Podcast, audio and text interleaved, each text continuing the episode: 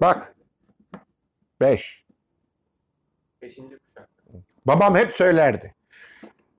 Bana diyordu ki babam şimdi diyordu sen üniversite bitirdin büyük adam oldun falan filan. Şimdi diyordu sen ortaokul mezunusun. Çünkü diyordu ben ailemde ilk okuyan adamım. Ben diyordu ilkokul mezunu. Şimdi diyordu senin çocuğun lise mezunu olacak. Ancak senin torunun üniversite mezunu olacak. Ki doğrudur bu.